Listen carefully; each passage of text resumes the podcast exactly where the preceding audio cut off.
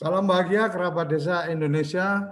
Kembali malam ini, malam mingguan bersama Kementerian Dalam Negeri uh, akan mengangkat tema atau akan ngobrolin tentang peraturan desa mendukung untuk bagaimana desa uh, menjadi maju, bahagia, sejahtera.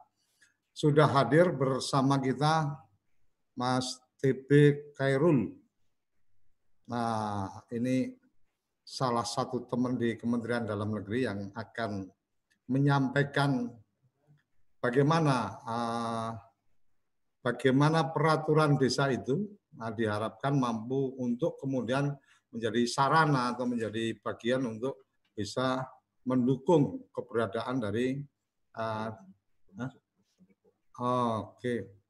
Mas TB, halo Mas TB, uh, Mas TB baru tadi udah masuk tapi ini uh, terputus. Kita kita sambil tunggu. Kita sambil tunggu Mas Carol. Jadi uh, idenya idenya adalah kita ingin mendiskusikan malam minggu ini santai-santai kita obrolin untuk kemudian kita bisa melihat apa sih sebenarnya peraturan desa ini bagaimana bisa manfaatkan atau benar-benar peraturan desa ini mampu uh, menjadi sarana untuk kemudian berproses uh, desa membangun dan membangun desa. Mas Gabriel sudah bisa on, ini sudah gabung mic-nya. Silakan. Mas Gabriel.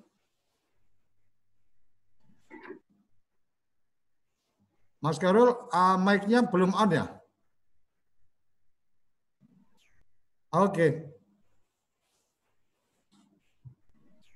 Mic, oke, okay, sip. Ya.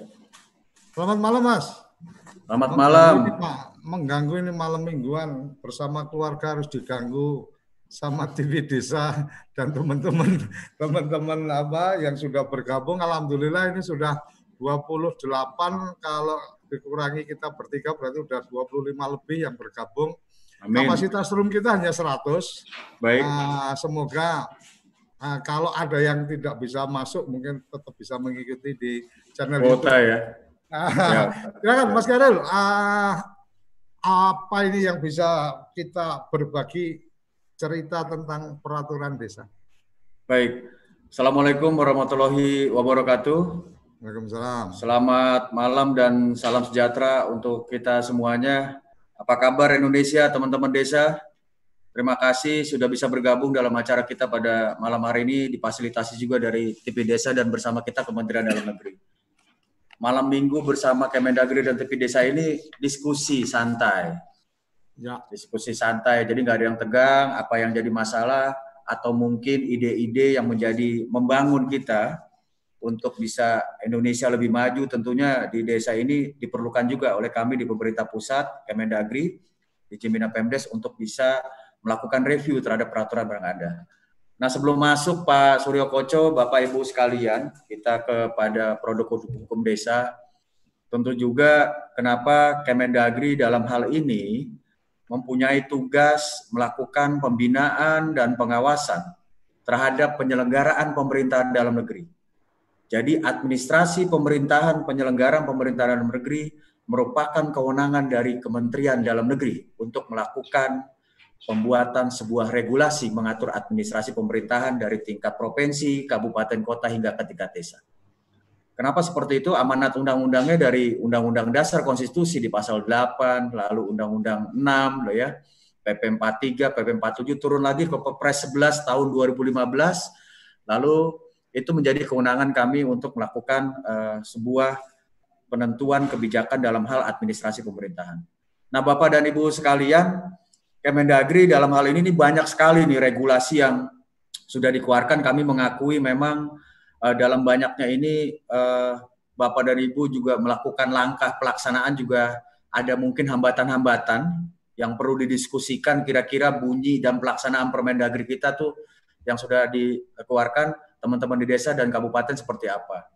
Totalnya kita saat ini waktu 2019 eh, kemarin 21 Permendagri, Pak Suryo Koco dan Bapak Ibu sekalian sekarang ada 23 tambahannya PKK dan Linmas dengan teman-teman Direktorat Jenderal Bina Administrasi Kewilayahan.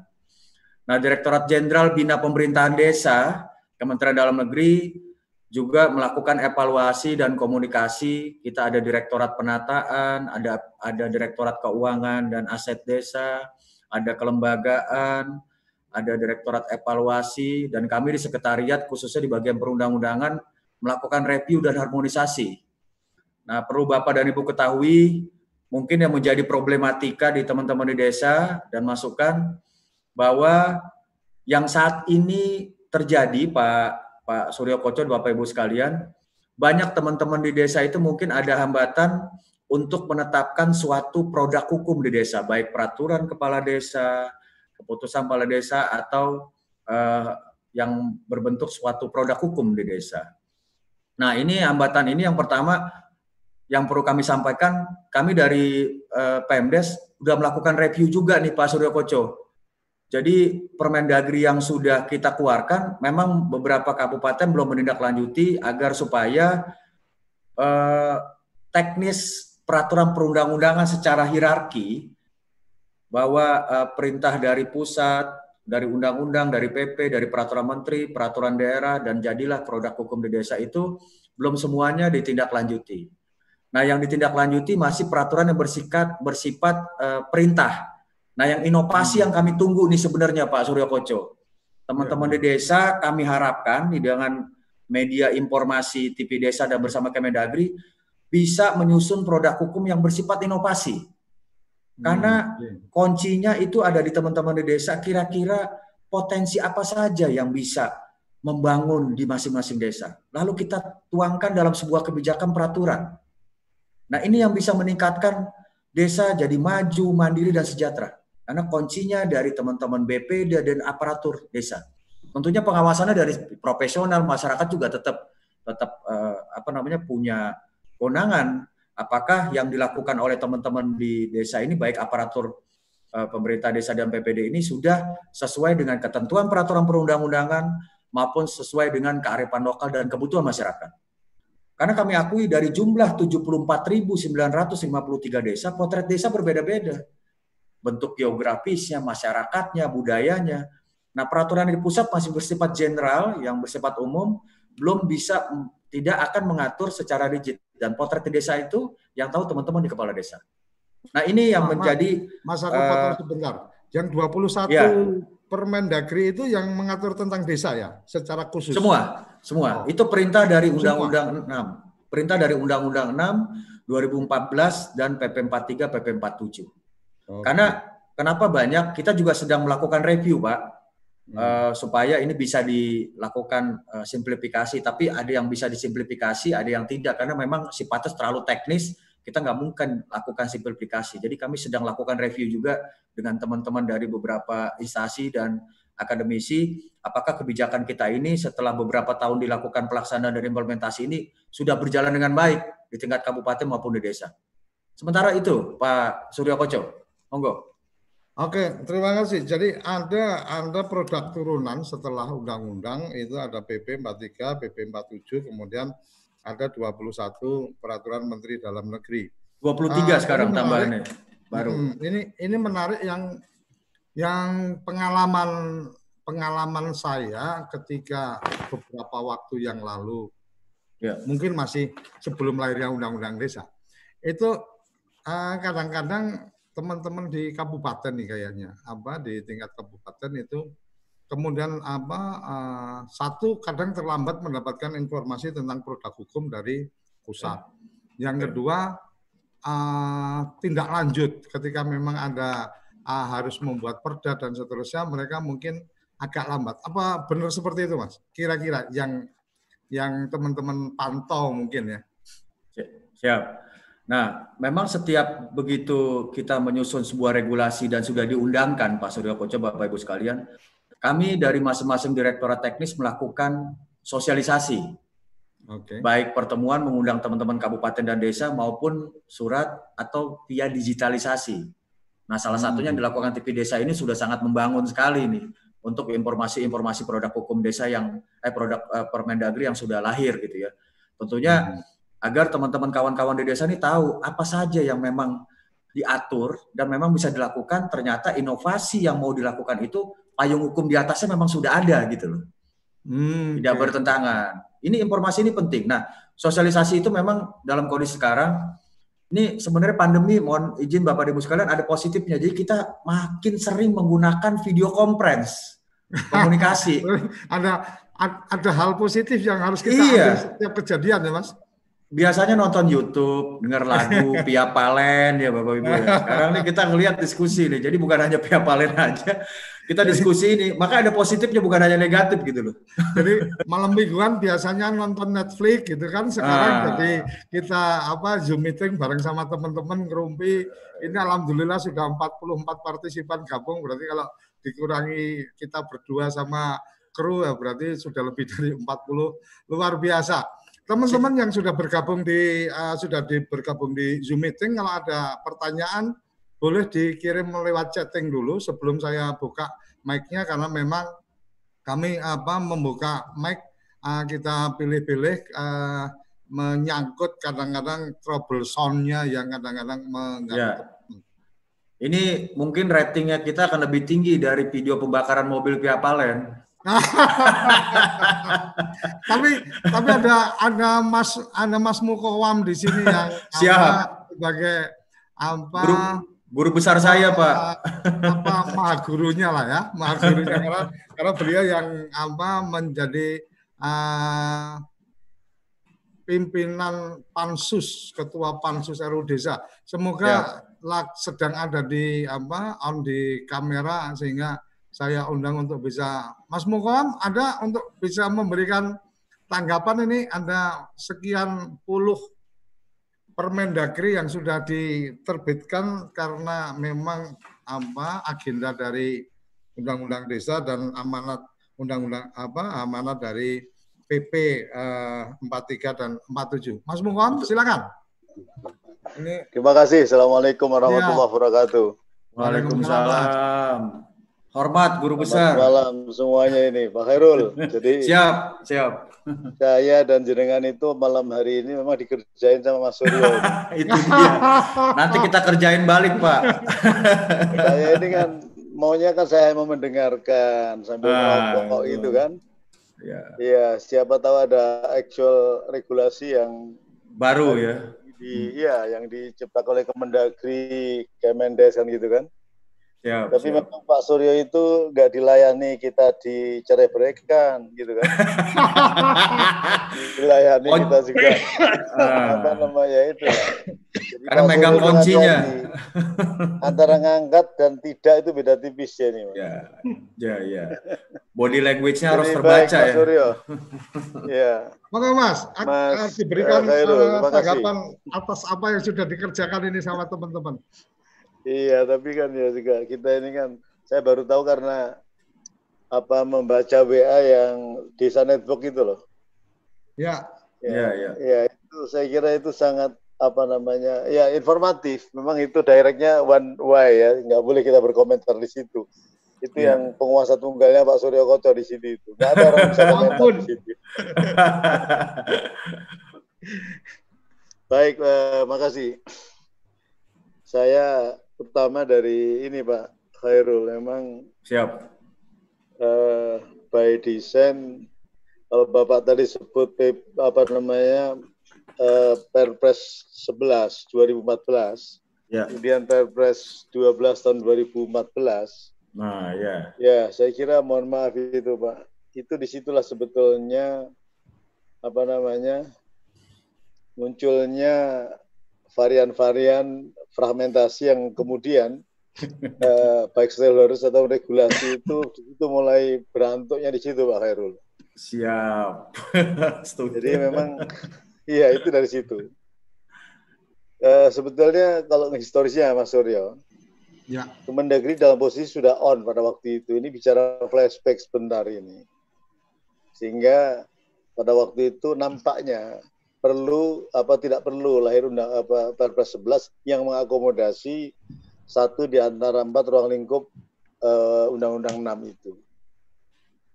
Ya, tapi karena situasi politik pada waktu itu memastikan ya kemudian muncul Perpres 1112 itu sebagai jawaban terhadap situasi politik pada waktu itu. Nah, ini ya Mas uh, tuh bagus. Ayo, saya kira uh, kalau berangkat dari situ maka agak sulit teman-teman desa itu memastikan berpegang pada yang mana ini, pada Permendes atau uh, Permendagri. Siap. Nah, ini yang tadi saya sepakat dengan semangatnya Pak Khairul, tapi yeah. saya kira teman-teman yang berada di eh, Zoom eh, meeting ini saya kira juga kurang lebih sama dengan saya. Saya ikut uh, apa namanya Kemendagri atau Kemendes. Ini yang teman-teman yeah. itu, teman-teman kepala desa harus namanya harus jujur memang kesempatan baik ini. Nah, yeah. itu yang pertama. Lalu yang kedua, implikasi dari hal tersebut, selain regulasi juga berkaitan dengan soal pembinaan, Pak Khairul. Ya. Jadi pembinaan itu teman-teman desa itu kasihan itu. Jadi kalau apa namanya saya ambil sebuah contoh ya. nama nama anak binatang itu anak kuda namanya apa anak eh, sapi namanya apa ya ini saya andekan ini desa ini seperti anak ini anak badak namanya pelencing begitu ya. lahir suruh lari sendiri pak iya, teman-teman desa ini kasihan. Ya, karena pelencing kenapa? Karena ya kalau Pak Khairul uh, Kemendagri kemudian itu inline dengan Kemen, uh, Kemendes, saya kira teman-teman desa tidak akan kesulitan. Problemnya adalah pertama dari si title judul regulasi yang diamanatkan undang-undang desa, baik yang dihasilkan oleh Kemendes dan Kemendagri, itu kadang-kali dan sering kali itu uh, tidak inline, Pak Khairul. Ya. Nah, sehingga dalam konteks pembinaan, ini pembinaan, ini nampaknya sampai hari ini kawan-kawan saya di desa itu tidak pernah mendapatkan pembinaan dalam pengertian yang tadi Bapak dari awal sebutkan. Ini ya. tidak dilakukan oleh uh, pemerintah provinsi, ini tidak dilakukan oleh pemerintah apa namanya kabupaten ya. Saya kira amanat undang-undang desa memang jelas ada yang memang kewenangan pusat berupa peraturan pemerintah, ada peraturan uh, apa namanya Permendagri, ada kemudian Permendes, tetapi coba Pak Heru, Bapak sudah melahirkan dua, uh, uh, berapa 23. 23. Tapi ambil Pak Suryo, misalnya kalau ada teman dari misalnya dinas apa yang menangani desa, pemberdayaan masyarakat desa, ambillah salah satu. Itu saya kira eh, barangkali lebih banyak pusat yang menghasilkan peraturan undangan itu. Nah ini satu bukti bahwa di ada celah di situ, ada ceruk di situ, ada distingsi, ada jarak di situ bahwa teman-teman di tingkat provinsi dan kabupaten menampaknya ini eh, belum melaksanakan berbagai amanah dari undang-undang atau peraturan-peraturan di bawah undang-undang itu. Nah ini yang eh, saya kira menyulitkan eh, dalam rangka konsolidasi desa secara nasional. Pernah suatu kali Pak Hairul, teman Bapak yang ada di Kalibata itu belum menjabat satu tahun sudah bisa mengkualifikasi. Ada desa mandiri, desa apa itu ada tiga atau empat kualifikasi itu belum satu tahun saya katakan bahwa ini copy paste dari apa case pada waktu mengkualifikasikan kabupaten kota yang dari Indonesia. Ya, ya. Jadi pembinaan Pak Hairul ini teman-teman saya di desa itu akhirnya kemudian itu seperti autopilot di desa itu Pak. Ya. Jadi yang diambil tidak terlalu banyak mereka peraturan-perundangan karena memang eh, berbagai regulasi yang dilakukan, berbagai praktek-praktek pembinaan itu dilakukan secara tidak dilakukan secara baik. Nah, Bapak bisa tahu misalnya soal di tingkat provinsi, seberapa efektif provinsi melakukan apresiasi pada desa. Kemudian seberapa efektif teman-teman dinas pemberdayaan itu mengapresiasi desa, ya, dengan wujud regulasi tadi saya katakan termasuk pembinaan. Ya. Nah ini eh, kalau tadi disinggung ada Pak siapa dari inspektorat ya Pak ya, Pak ya. Sarifudin. Pak Nur, Pak Nur, Pak, Kemendagri. Pak Nur ya. Oh, saya kira saya dorong Pak. Jadi dalam konteks inspektorat itu bagaimana perkuatan inspektorat itu mulai dari pusat, provinsi sampai kabupaten, Pak. Hmm. Nah, salah satu pembinaan itu dari inspektorat ini, Pak. Sebab kawan-kawan saya di desa ini, Pak, itu yang dihadapi bukan teman-teman inspektorat Pak, tapi apa alat penegak hukum APH Pak. APH ya. APH. Ya. Jadi apakah uh, dari kejaksaan, apakah dari kepolisian gitu ya. Yang sekali lagi Pak Nur nanti mohon bicara saya saya secara pribadi Pak Suryo.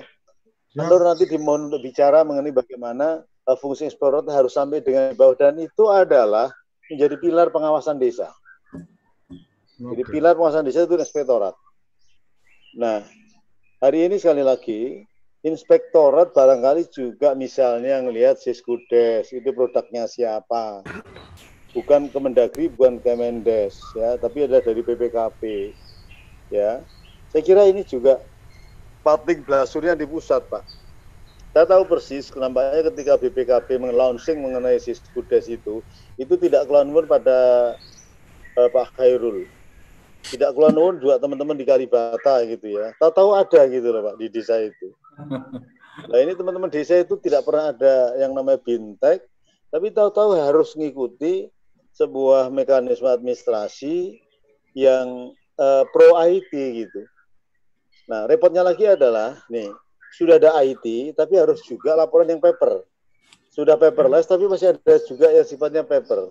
Ya, jadi uh, saya kira saya Pak Coach Pak Suryo mendorong dalam konteks uh, pembenahan hukum ini, ya Kemendagri bisa punya peran yang optimal. Satunya adalah mendorong provinsi, kabupaten segera menindaklanjuti berbagai regulasi sebagai hasil undang-undang desa ataupun aturan pemerintah. Lalu yang kedua, hmm. Kemendagri itu bisa melakukan fungsi pembinaan dalam konteks inspektorat, Pak. Ya, ya. Jadi ya. Eh, tidak diserahkan kepada autopilot kepada TP4D, tidak diserahkan kepada kepolisian, ya. Tapi ya repotnya Kemendagri Pak Faisal. Bapak coba jelaskan juga itu. Kenapa dulu ada apa namanya SKB antara Kemendagri, kepolisian, kemudian Kemendes itu ya Okay. Dalam uh, kemudian uh, dalam konteks pengawasan desa. Jadi kawan-kawan di desa ini, Pak, lo ada polisi lewat mau takziah saja, pas ada tahap uang keluar, takut mereka kok, Pak. Ah, ah, ah. lo ini mohon maaf, belum betul, belum ada mohon maaf oknum yang mengatakan wartawan. Ya. Siap, siap, siap. Ah, ya, saya kira di bawah itu seperti itu, Pak. Kalau ketemu kepala desa yang berani, diajak berantem mereka, Pak. Tapi kalau tidak berani, Pak, duit keluar, Pak. Dari mana? Bukan dari APBD, Pak, dari kantong kepala desa. Ya. Jadi satu kali di Kabupaten Semarang, Pak, ini ada seorang karyawan kejaksaan Kajari ini. Karyawan ini bukan bukan bukan hakim, Pak, bukan. Bukan panitra juga. Ya dia takziah ke satu lewat desa tersebut. Takut mereka, Pak, kepala desa, Pak. Awas hati-hati ada jaksa lewat gitu kan. ini fakta. Okay. Belum lagi ya sekali lagi praktek di bawah seperti itu adanya. Jadi Pak Suryo saya kira dalam forum yang singkat ini dalam konteks hukum saya kira saya sangat mendorong agar teman-teman saya di bawah ini mempunyai pegangan ya di dalam melaksanakan aman dari undang-undang desa. Ya, ya, apa pegangan itu berupa peraturan pemerintah yang sifatnya basicing ya atau kemudian legeling saya kira itu ya. bisa didorong uh, oleh pemerintah pusat. Ya syaratnya mungkin satu juga ada juga Pak Pak Khairul. Ya, Bapak Pak. mungkin kompak dengan uh, apa Kalibata. Ya. Ini Sudah Bapak kan pasar Minggu kan? Ya. Pasar Minggu dan Kalibata, wilayahnya Jakarta Selatan sama, Pak. Nah, sama wilayah, tapi beda beda persepsi kan repot itu. Dekat itu. Jadi kalau mikrolet itu Pak, itu dilewati M16 Pak. M mikro itu lewat itu.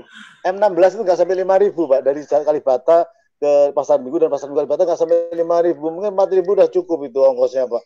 Tapi distingsi di bawahnya itu berjuta-juta Pak. Ini kalau men mentor RUU bahasanya udah pakai ilustrasinya tinggi nih, jadi saya harus hati-hati menjawab. iya. Jadi Pak Hairul, saya, saya saya sebetulnya saya saya, saya di mana pun saya Pak Mas Suryo udah tahu persis bagaimana saya. Siap siap. Saya ini siap. ya selalu diledek oleh Mas Suryo. Ini pembuat undang-undang, ini nggak benar undang-undangnya. saya ini bukan eksekutif legislatif gitu kan. Iya, iya, iya. Jadi begitu undang-undang ini selesai monggo Pak pemerintah. Ya. Tapi sayangnya misalnya hari ini kawan-kawan hari Rabu yang akan datang tanggal 7 Juli itu terpaksa men-JR pasal 28 ayat ayat 8 Undang-Undang 2 tahun 2020, Pak. Yang berkaitan dengan dana desa. Nah, karena itu Pak Khairul, saya ya. sembari Bapak nanti menjawab yang lain, persepsi Bapak mengenai pasal 28 Undang-Undang 2 2020 itu bagaimana, Pak? Ya. Dan menurut saya itu pelanggaran terhadap asas subsidiaritas. Jadi Mas ada sejumlah duit, eh? Mas Mukom, nanti nanti kita Apa, akan ada forum khusus lagi untuk yang itu. Oke. Okay. Ya. jadi baik, jadi saya saya dorong itu, Pak. Monggo. Jadi, ya. Makasih Mas Suryo, makasih Pak Bagus, makasih juga Pak Samsudin Nur tadi. Saya baca, mohon soal berkaitan dengan inspektorat itu, saya sangat berharap inspektorat itu bisa menjadi kekuatan di dalam mendorong uh, desa itu bisa melompat. Jangan serahkan pada pihak yang lain, Pak. Setuju. Terima kasih. Assalamualaikum warahmatullahi wabarakatuh. Waalaikumsalam warahmatullahi wabarakatuh. Belum ke Mas Kairul, eh, ini kan kalau tadi kan uh, tauziah suhu itu kan harus kita dengarkan untuk kemudian kita kita kita resapi bersama gitu kan. Uh, ada di uh, Zoom meeting kita ada dari provinsi bidang Pemdes Sumatera Utara Mas Bayu Andre. Silakan uh, uh, saya mungkin kalau ada ingin menyampaikan atau ada yang mau direspon dulu. Wah, mohon maaf.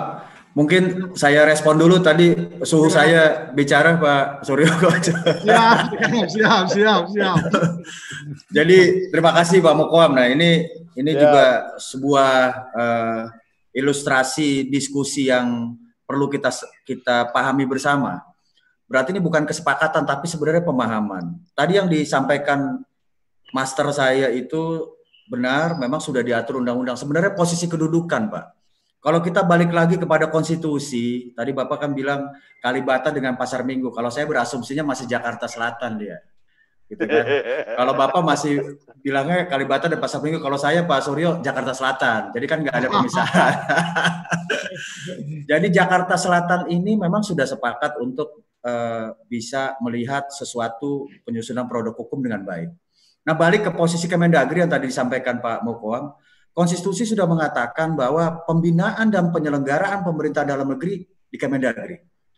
Jadi secara poros pemerintahan kita melakukan pembinaan dari provinsi, kabupaten kota, kecamatan, kelurahan hingga di tingkat desa. Itu diundang di konstitusi di pasal 8 juga undang-undang dasar ya Pak. Pak Master, mohon izin.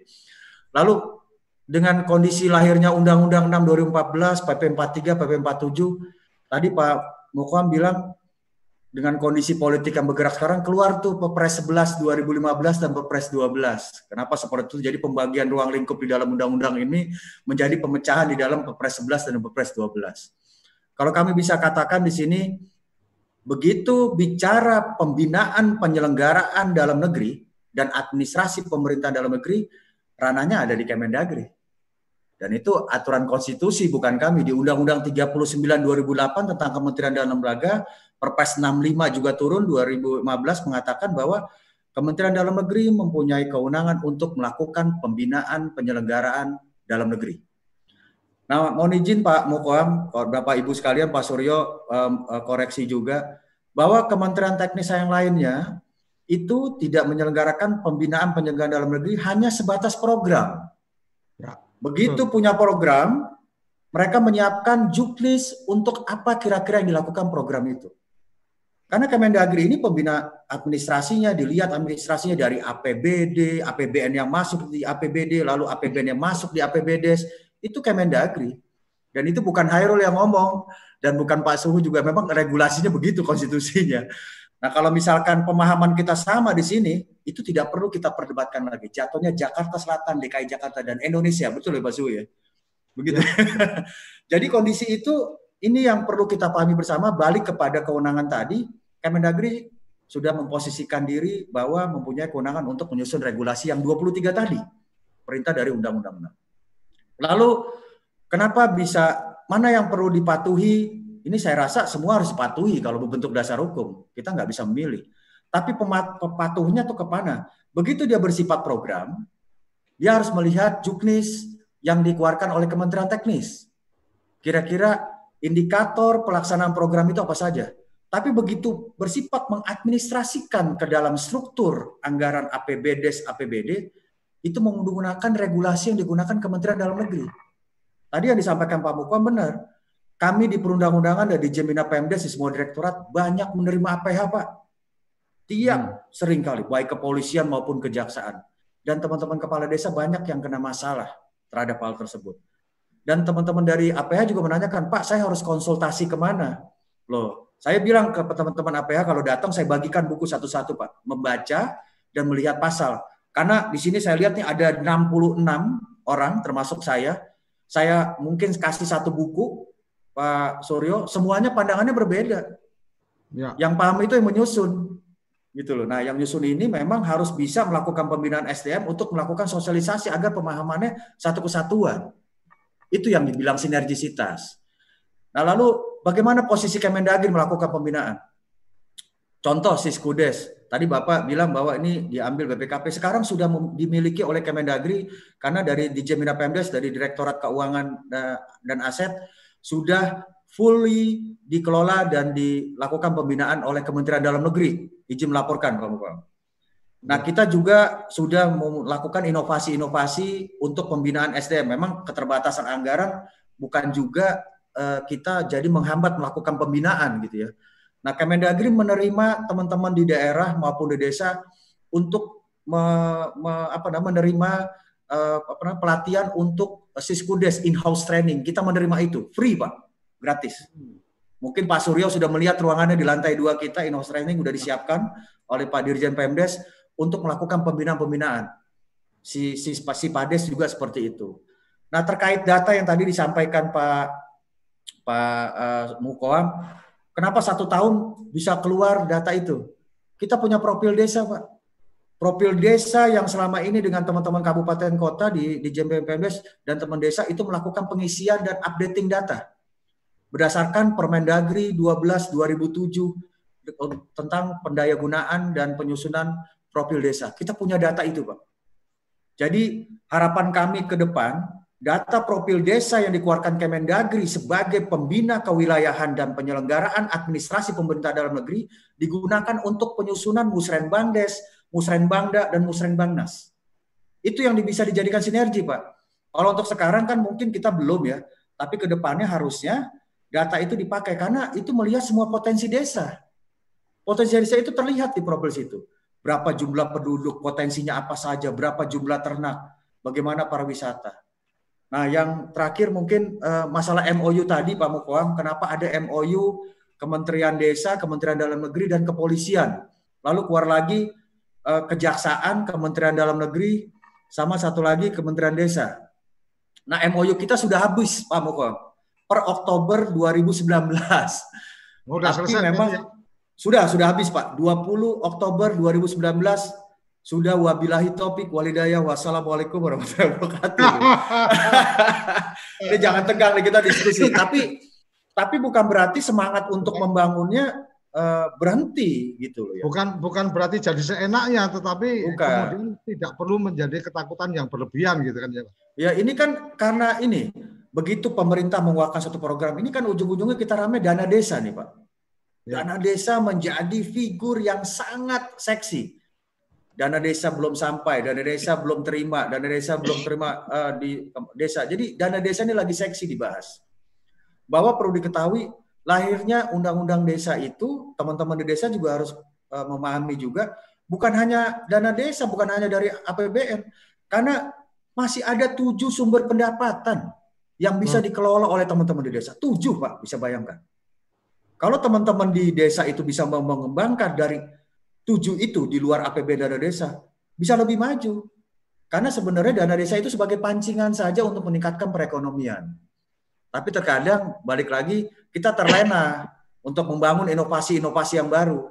Makanya Kemendagri mengeluarkan 23 Permendagri itu sudah melihat secara struktur kebutuhan-kebutuhan yang mungkin bisa kita implementasikan dan kita undangkan sesuai dengan perintah Undang-Undang Desa.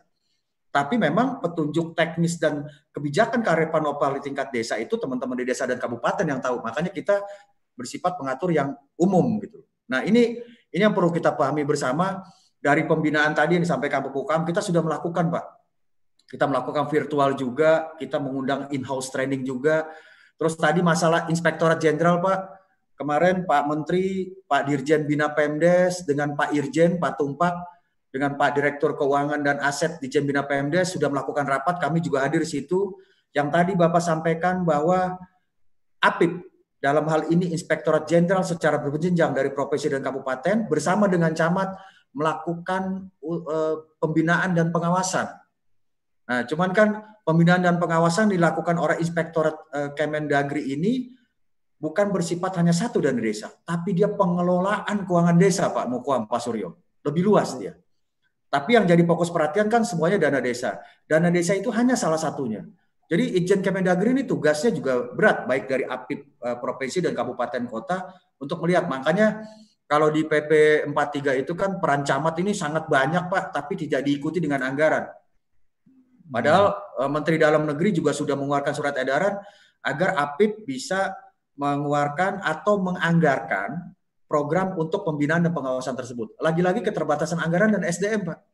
Karena kan Indonesia jumlahnya luas, gitu loh, luas ya. sekali. Sangat luar biasa. Jadi jadi itu, mohon izin Pak Suryo, makasih. Oke.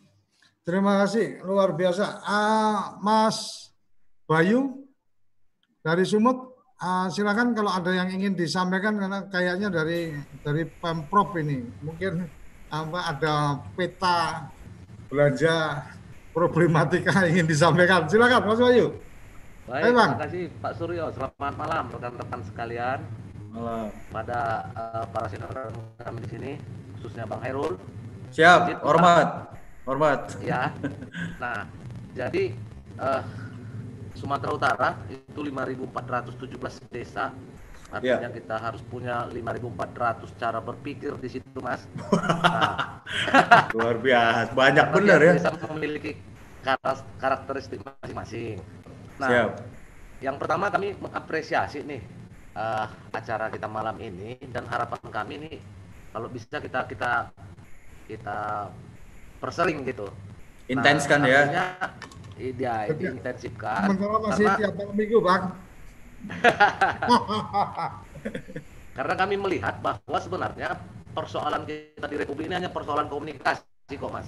Nah, artinya Tuh. dari sekian banyak regulasi yang telah ada itu kan bagus semua Nah, mungkin belum semua selesai saya baca, tetapi dari uh, dari gambaran umumnya bahwa itikat baik pemerintah pusat itu untuk uh, memberdayakan dan memaksimalkan potensi desa yang ada itu sebenarnya sudah sudah goodwill gitu mas. Nah, yang menjadi persoalan itu mungkin baru sedikit, baru sedikit yang sampai ke desa. Yeah. Nah, artinya yang baru sedikit itu uh, tentang regulasinya misalnya. Nah, tugas kami sebagai perpanjangan tangan pemerintah pusat itu juga kami merasa seperti apa ya mas? Apa namanya? Seperti mandul gitu mas. Artinya kita hmm. hanya hanya bisa menghimbau dan mengimbau contoh misalnya profil tuh nah profil itu ketika kita uh, di Januari ditugaskan di di PMD di bidang pemerintahan desanya itu di Januari kemarin mas itu kita ya. baru di Sumut itu baru di 47 tetapi sampai 47 persen. Nah tetapi uh, beberapa bulan kita kita coba jemput bola ke lapangan itu udah di 51 mungkin ya 51 persen nah ya. yang mau kami sampaikan di situ kendalanya ya. yang pertama itu mungkin bagaimana tadi saya setuju dengan Pak Suryo itu bagaimana kita menghadirkan uh, eh, IT lah ke ke desa-desa sehingga desa-desa nggak kesulitan lagi menginput profil itu mas. Ya. Nah, nah bagaimana nanti tentang uh, anggarannya dan segala macamnya itu mungkin bisa kita bahas bersama gitu. Ya. Nah, tetapi semangat kita di tengah keterbatasan kita untuk untuk membina desa itu itu kita apa ya ya harus jalan terus gitu mas. Kita nggak bisa diam aja walaupun mungkin anggaran kita terbatas segala macamnya terbatas bukan berarti kita menjadi diam gitu. Nah, itu tadi yang pertama tentang komunikasi, pembinaan desa juga dan inovasi juga kita sangat setuju sekali itu, Mas. Nah, yeah. kalau bisa mungkin eh, bisa dibikin grup kita misalnya grup untuk Sumatera, grup untuk Kalimantan, grup untuk jadi memper mempermudah, memper singkat, jenjang komunikasinya jadi enak gitu.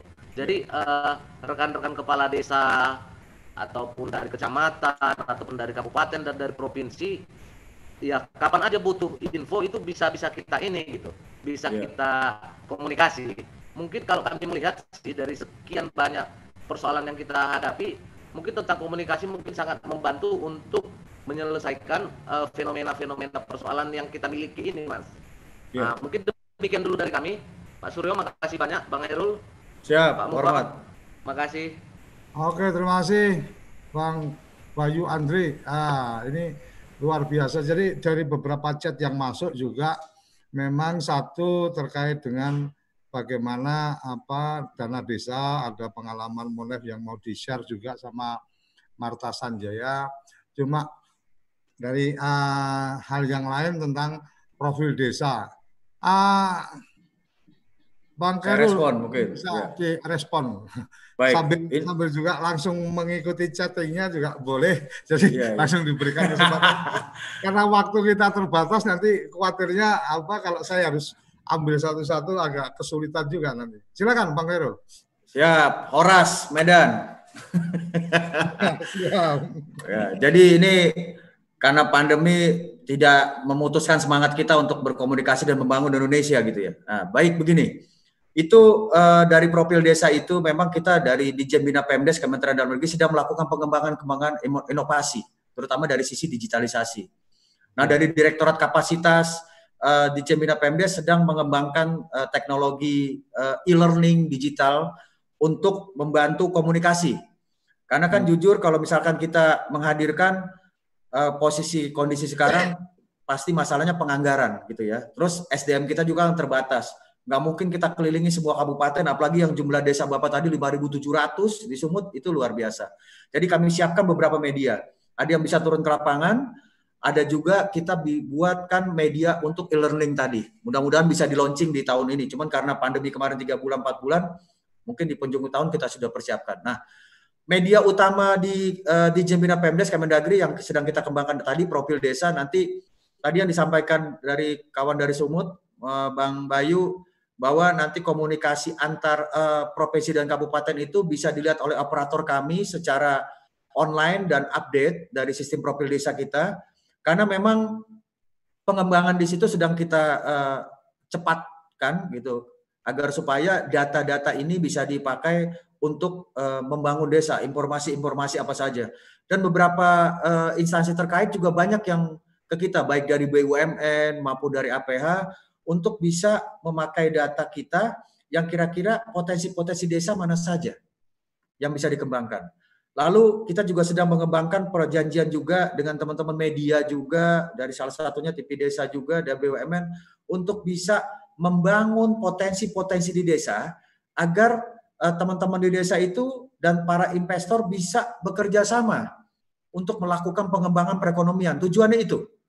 Nah, ini yang yang kami harapkan bahwa seperti yang disampaikan Pak Mukom dan chatting yang banyak ini saya belum bisa uh, jawab satu-satu ya. Dana desa ini hanya salah satu sumber pendanaan yang ada di desa. Kami berharap dari pemerintah pusat, ayo teman-teman di desa bersama-sama membangun enam sumber pendapatan yang lain, inovasinya. Kami menyiapkan konsultasi. Kami juga ada sekretariat dari Direktorat eh, Keuangan, Direktorat Kelembagaan, Direktorat Penataan, kita membuatkan hotline komunikasi untuk hmm. bisa teman-teman di desa dan kabupaten itu berkomunikasi.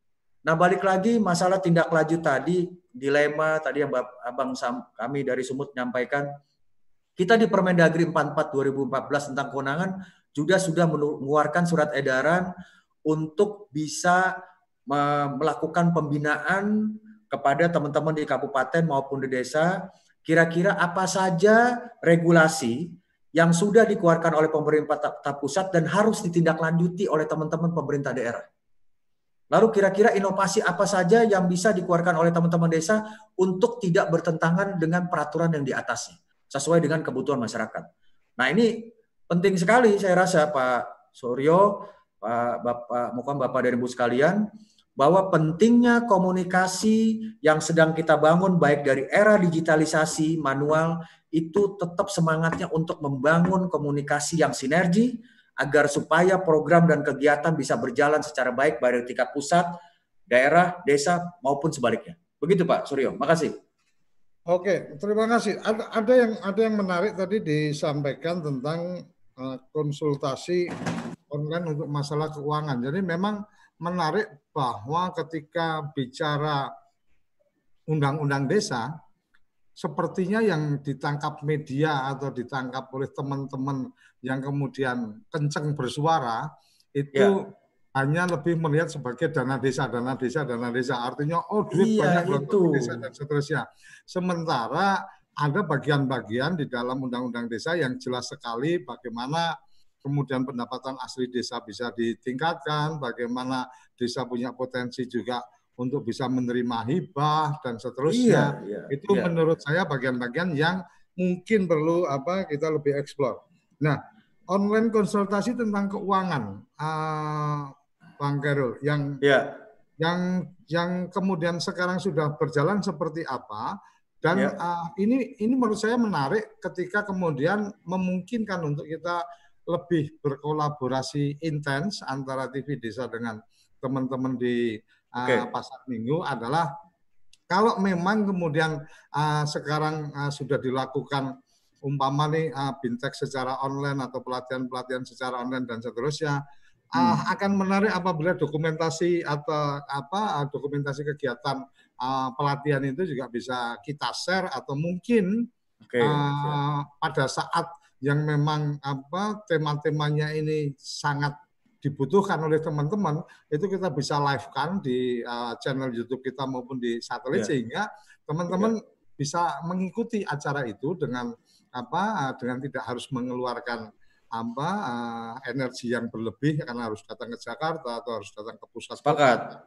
Cukup datang ke kafe sambil ngopi. Nah, contohnya kayak presenter TV desa sembari minum. Harusnya dibagiin kopinya semua ini cuma satu doang. Gimana coba Aduh kacau semangat. Ini, ini, ini nanti, nanti akan akan ada daya tarik yang lain ketika kemudian ya. Agri atau pasar minggu akan meng, mengapresiasi siapa yang pertanyaannya paling bagus akan dapat kiriman kopi dari pasar minggu. Nah, siap.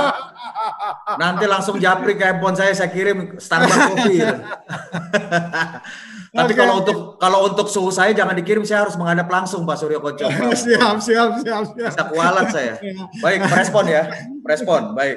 Merespon Jadi, uh, ya, uh, dari dari beberapa pertanyaan yang menarik di sini adalah uh, mungkin lebih sepertinya bicara tentang uh, profil desa. Ini uh, di beberapa kali uh, malam mingguan desa, memang profil desa ini menjadi sesuatu yang seksi ini, Pak.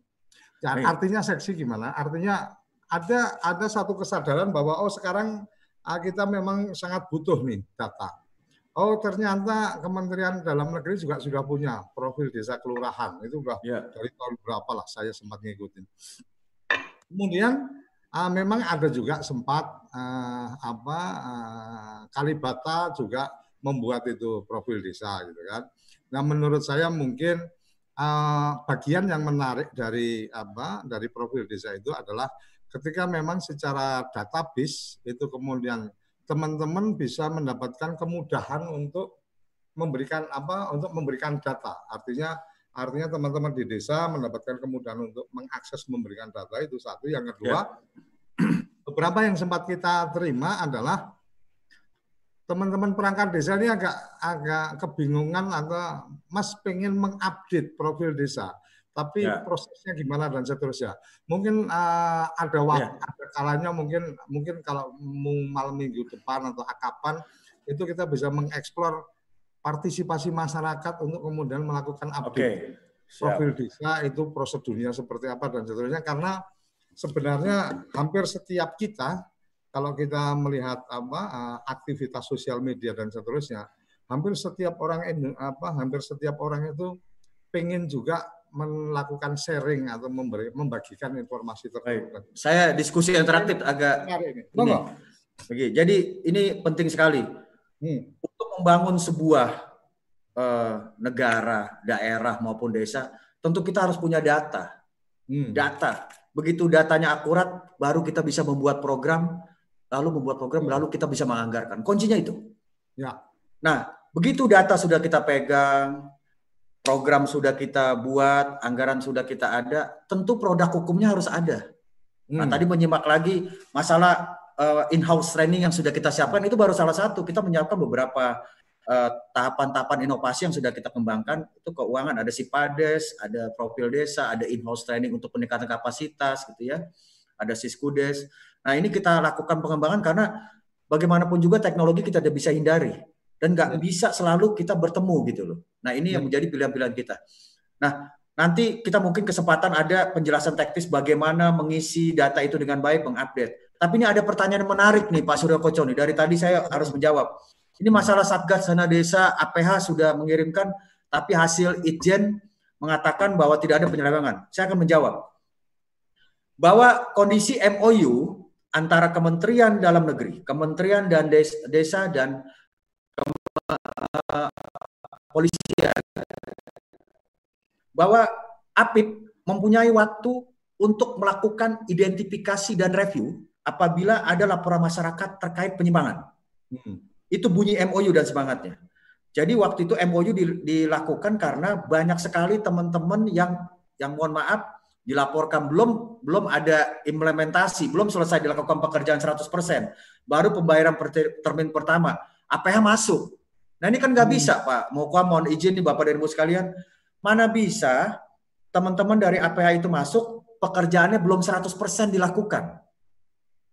Apa yang mau diaudit? Baru pembayaran, kalau dari saya asumsikan pembayaran tiga termin, baru dibayar satu termin, yang dua termin belum selesai, terus mau dilakukan audit. Nah ini yang menjadi hambatan, makanya MOU itu keluar. Nah, teman-teman inspektorat atau APIP daerah itu mempunyai kewenangan waktu 60 hari untuk melakukan evaluasi dan review dan hasilnya diberikan oleh teman-teman APH. Apakah dia kesalahan administrasi? Apakah memang ada penyimpangan terhadap dana tadi? Nah, hasil tadi dikomunikasikan dan itu akan menuntun teman-teman dari APH dan teman-teman dari APIP apakah ini bisa dijadikan tindak lanjut untuk penegakan hukum selanjutnya. Tapi kalau hanya bersifat administrasi, hanya pemerintah daerah dalam hal ini bupati untuk melakukan teguran kepada kepala desa yang bersangkutan gitu. Nah, itu hmm. bunyi semangat MOU dan itu tetap dilakukan. Makanya dari Mabes Polri dari Bahakam Polri itu pembunuhan pembinaan Kemendagri mengedepankan posisi regulasi sebagai penyelenggaraan pemerintahan dalam negeri bahwa asas praduga tidak bersalah tetap dilakukan oleh teman-teman APIP untuk hasilnya diberikan kepada teman-teman APH. Itu menjadi catatan. Ini ini yang menjadi WA masuk ke ke acara kita. Ya. Jangan sampai ini juga menjadi problematika karena setiap saya menerima APH paling paling banyak saya dari Polres nih. Hmm. Itu saya saya kasih pengertian. Coba gelar perkara dulu. Jangan-jangan teman-teman kepala desa ini, mohon maaf, pengen membangun desa, tapi tidak mengerti tentang administrasi yang baik seperti apa. Tapi mereka membukukannya dan tidak ada penyelewengan. Itu nggak bisa. Mereka hanya kesalahan administrasi. Tapi kalau misalkan mereka melakukan penyelewengan terhadap uang negara, bisa dilakukan tindakan pidana. Kan banyak juga para SDM yang pengen membangun desanya karena mungkin banyak regulasinya nih yang keluar. Mereka nggak ngerti mengadministrasikan, tapi mereka tidak menyelewengkan dana desa atau menyelewengkan anggaran yang lain tapi mereka tidak paham bagaimana mengadministrasikan yang diatur dalam undang-undang. Makanya kami selalu melakukan komunikasi itu. Bapak dan Ibu sekalian, kami dari Kemendagri, saya pribadi juga tetap akan support dari teman-teman Direktorat Jenderal Bina Pemdes Kemendagri untuk berkomunikasi nanti apa-apa saja menjadi masalah dan kami membuka pintu komunikasi. Nanti kalau misalkan in-house training, uh, bukan in-house training, e-learning kita sudah launching secara keseluruhan karena masih banyak faultnya dalam sistem kita, kita akan expose juga nanti di TV Desa ya, biar teman-teman teman-teman di di desa juga bisa tahu bagaimana proses-proses uh, regulasi yang baru lahir. Monggo, Pak Suryo. Oke, luar biasa. Memang ini uh, ide awal ketika kita kemudian membuat acara malam mingguan, ini pilih, pilihan waktunya memang luar biasa dari teman-teman ke Mendagri terutama uh, Mas Beni yang kemudian merekomendasikan malam mingguan aja Mas biar asik gitu kan. Ternyata benar-benar asik. Jadi enggak malam mingguan biar yang bapak-bapaknya enggak pada keluar Pak Suryo. Iya kak, kayaknya uh, gara-gara ini malam malam mingguan saya jadi nggak pernah ada ini harus selalu bareng sama teman-teman. Tapi luar biasa. Saya saya melihat ini satu uh, satu langkah-langkah yang apa uh, bisa dikatakan revolusioner ketika kemudian ada ruang-ruang untuk kemudian bisa komunikasi langsung teman-teman di desa dengan apa teman-teman di pasar minggu ke Kementerian Dalam Negeri karena memang pengalaman ya. kita dulu salah satunya memang agak sumbatan komunikasi ketika yang dari desa mau ke pusat itu biasanya teman-teman dari kabupaten selesaikan dulu lah di sini ngobrol di sini dan, dan seterusnya sementara kadang-kadang pas diajak ngobrol mereka nggak nyambung juga gitu kan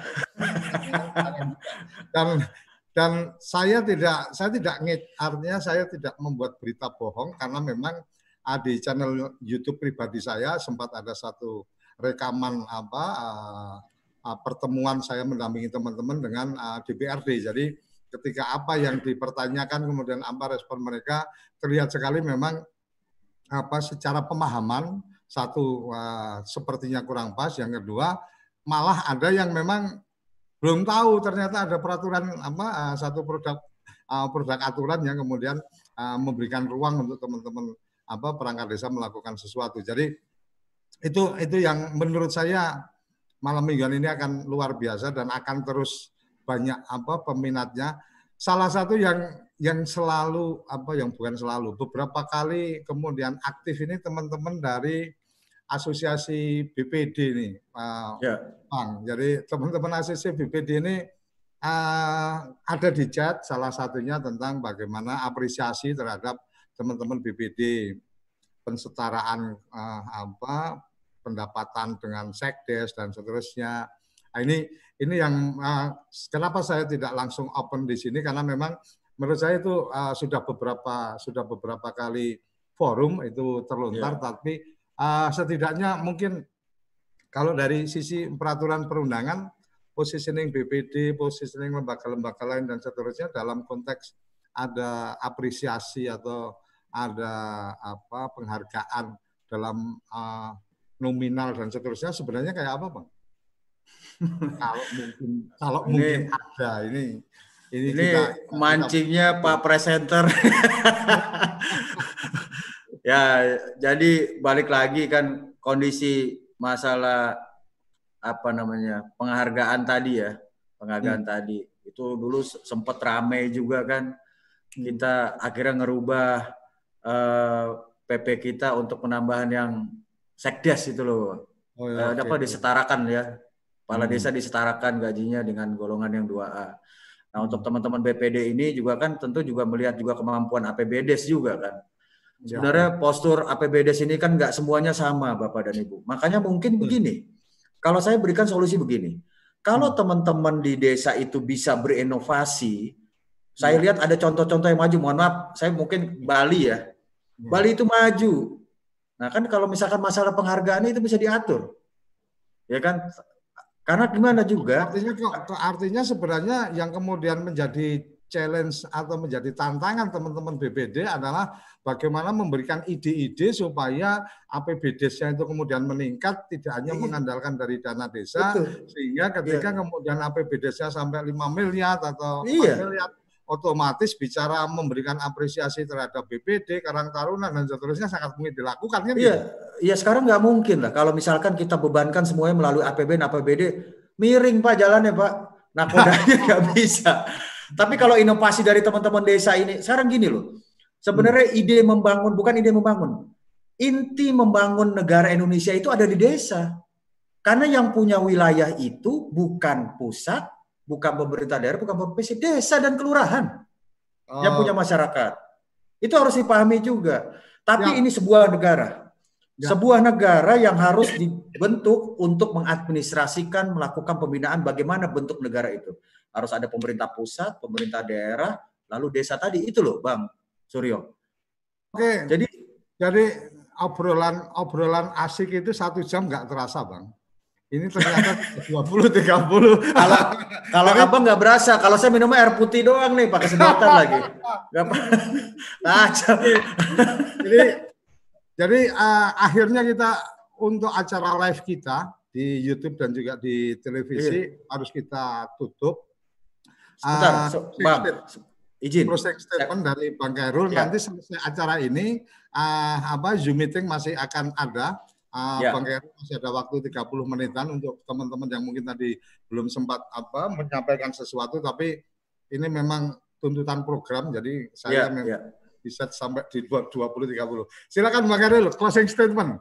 Baik, ini ada yang perlu kita pahami bersama dan tidak perlu kita perdebatkan pemisahan bagaimana komunikasi itu terpisah. Komunikasi di pemerintah pusat baik.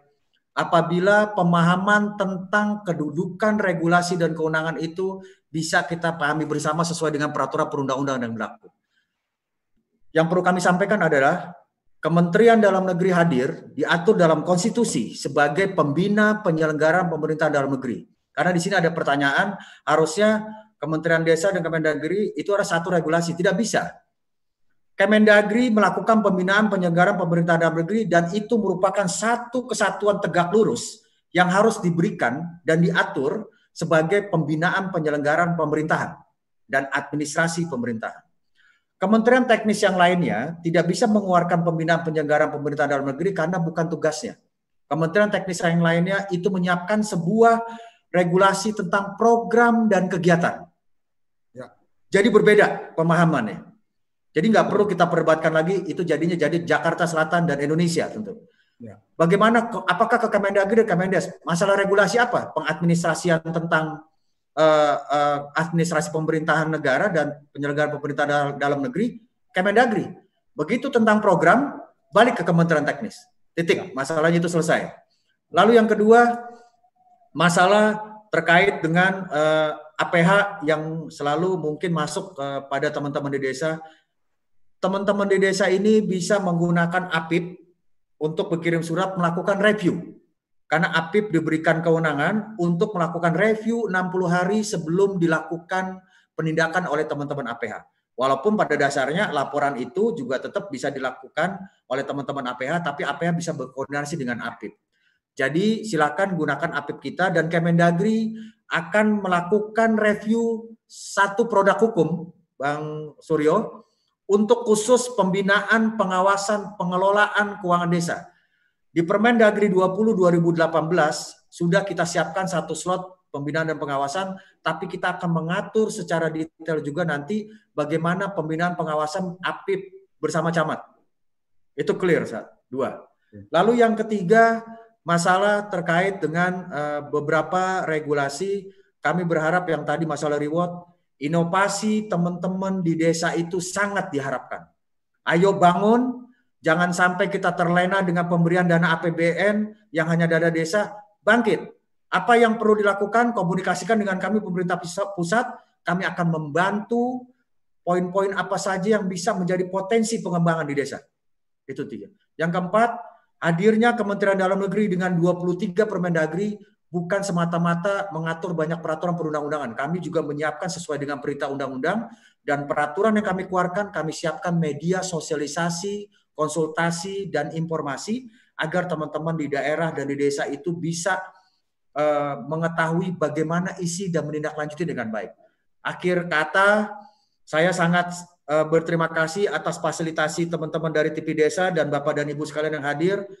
Kami dari Kementerian Dalam Negeri khususnya di Jen Bina Pemerintahan Desa tetap siap untuk membangun dan membantu teman-teman di daerah dan desa agar supaya desa itu bisa maju, mandiri dan sejahtera. Terima kasih. Oke, terima kasih luar biasa. Saya sampai tidak mungkin untuk membuat catatan khususnya karena closingnya udah closingnya udah selesai semua. Ini air putih, air putih. ya, ya. Oke, kerabat desa Indonesia hari ini luar biasa. Teman-teman yang sudah bergabung di Zoom masih ada waktu untuk apa ngobrol-ngobrol santai dengan apa Bang Kairul tapi sayang untuk teman-teman yang mengikuti di siaran televisi dan YouTube kita harus akhiri sampai di sini karena memang komitmen kita sampai 2030. Oleh karenanya jangan terlambat untuk bisa mengikuti dan masuk ke Zoom meeting kita sehingga ada kesempatan untuk ngobrol lebih panjang di Zoom meeting yang sudah kita siapkan. Sampai berjumpa di malam mingguan seminggu lagi. Salam bahagia kerabat desa Indonesia. Terima kasih.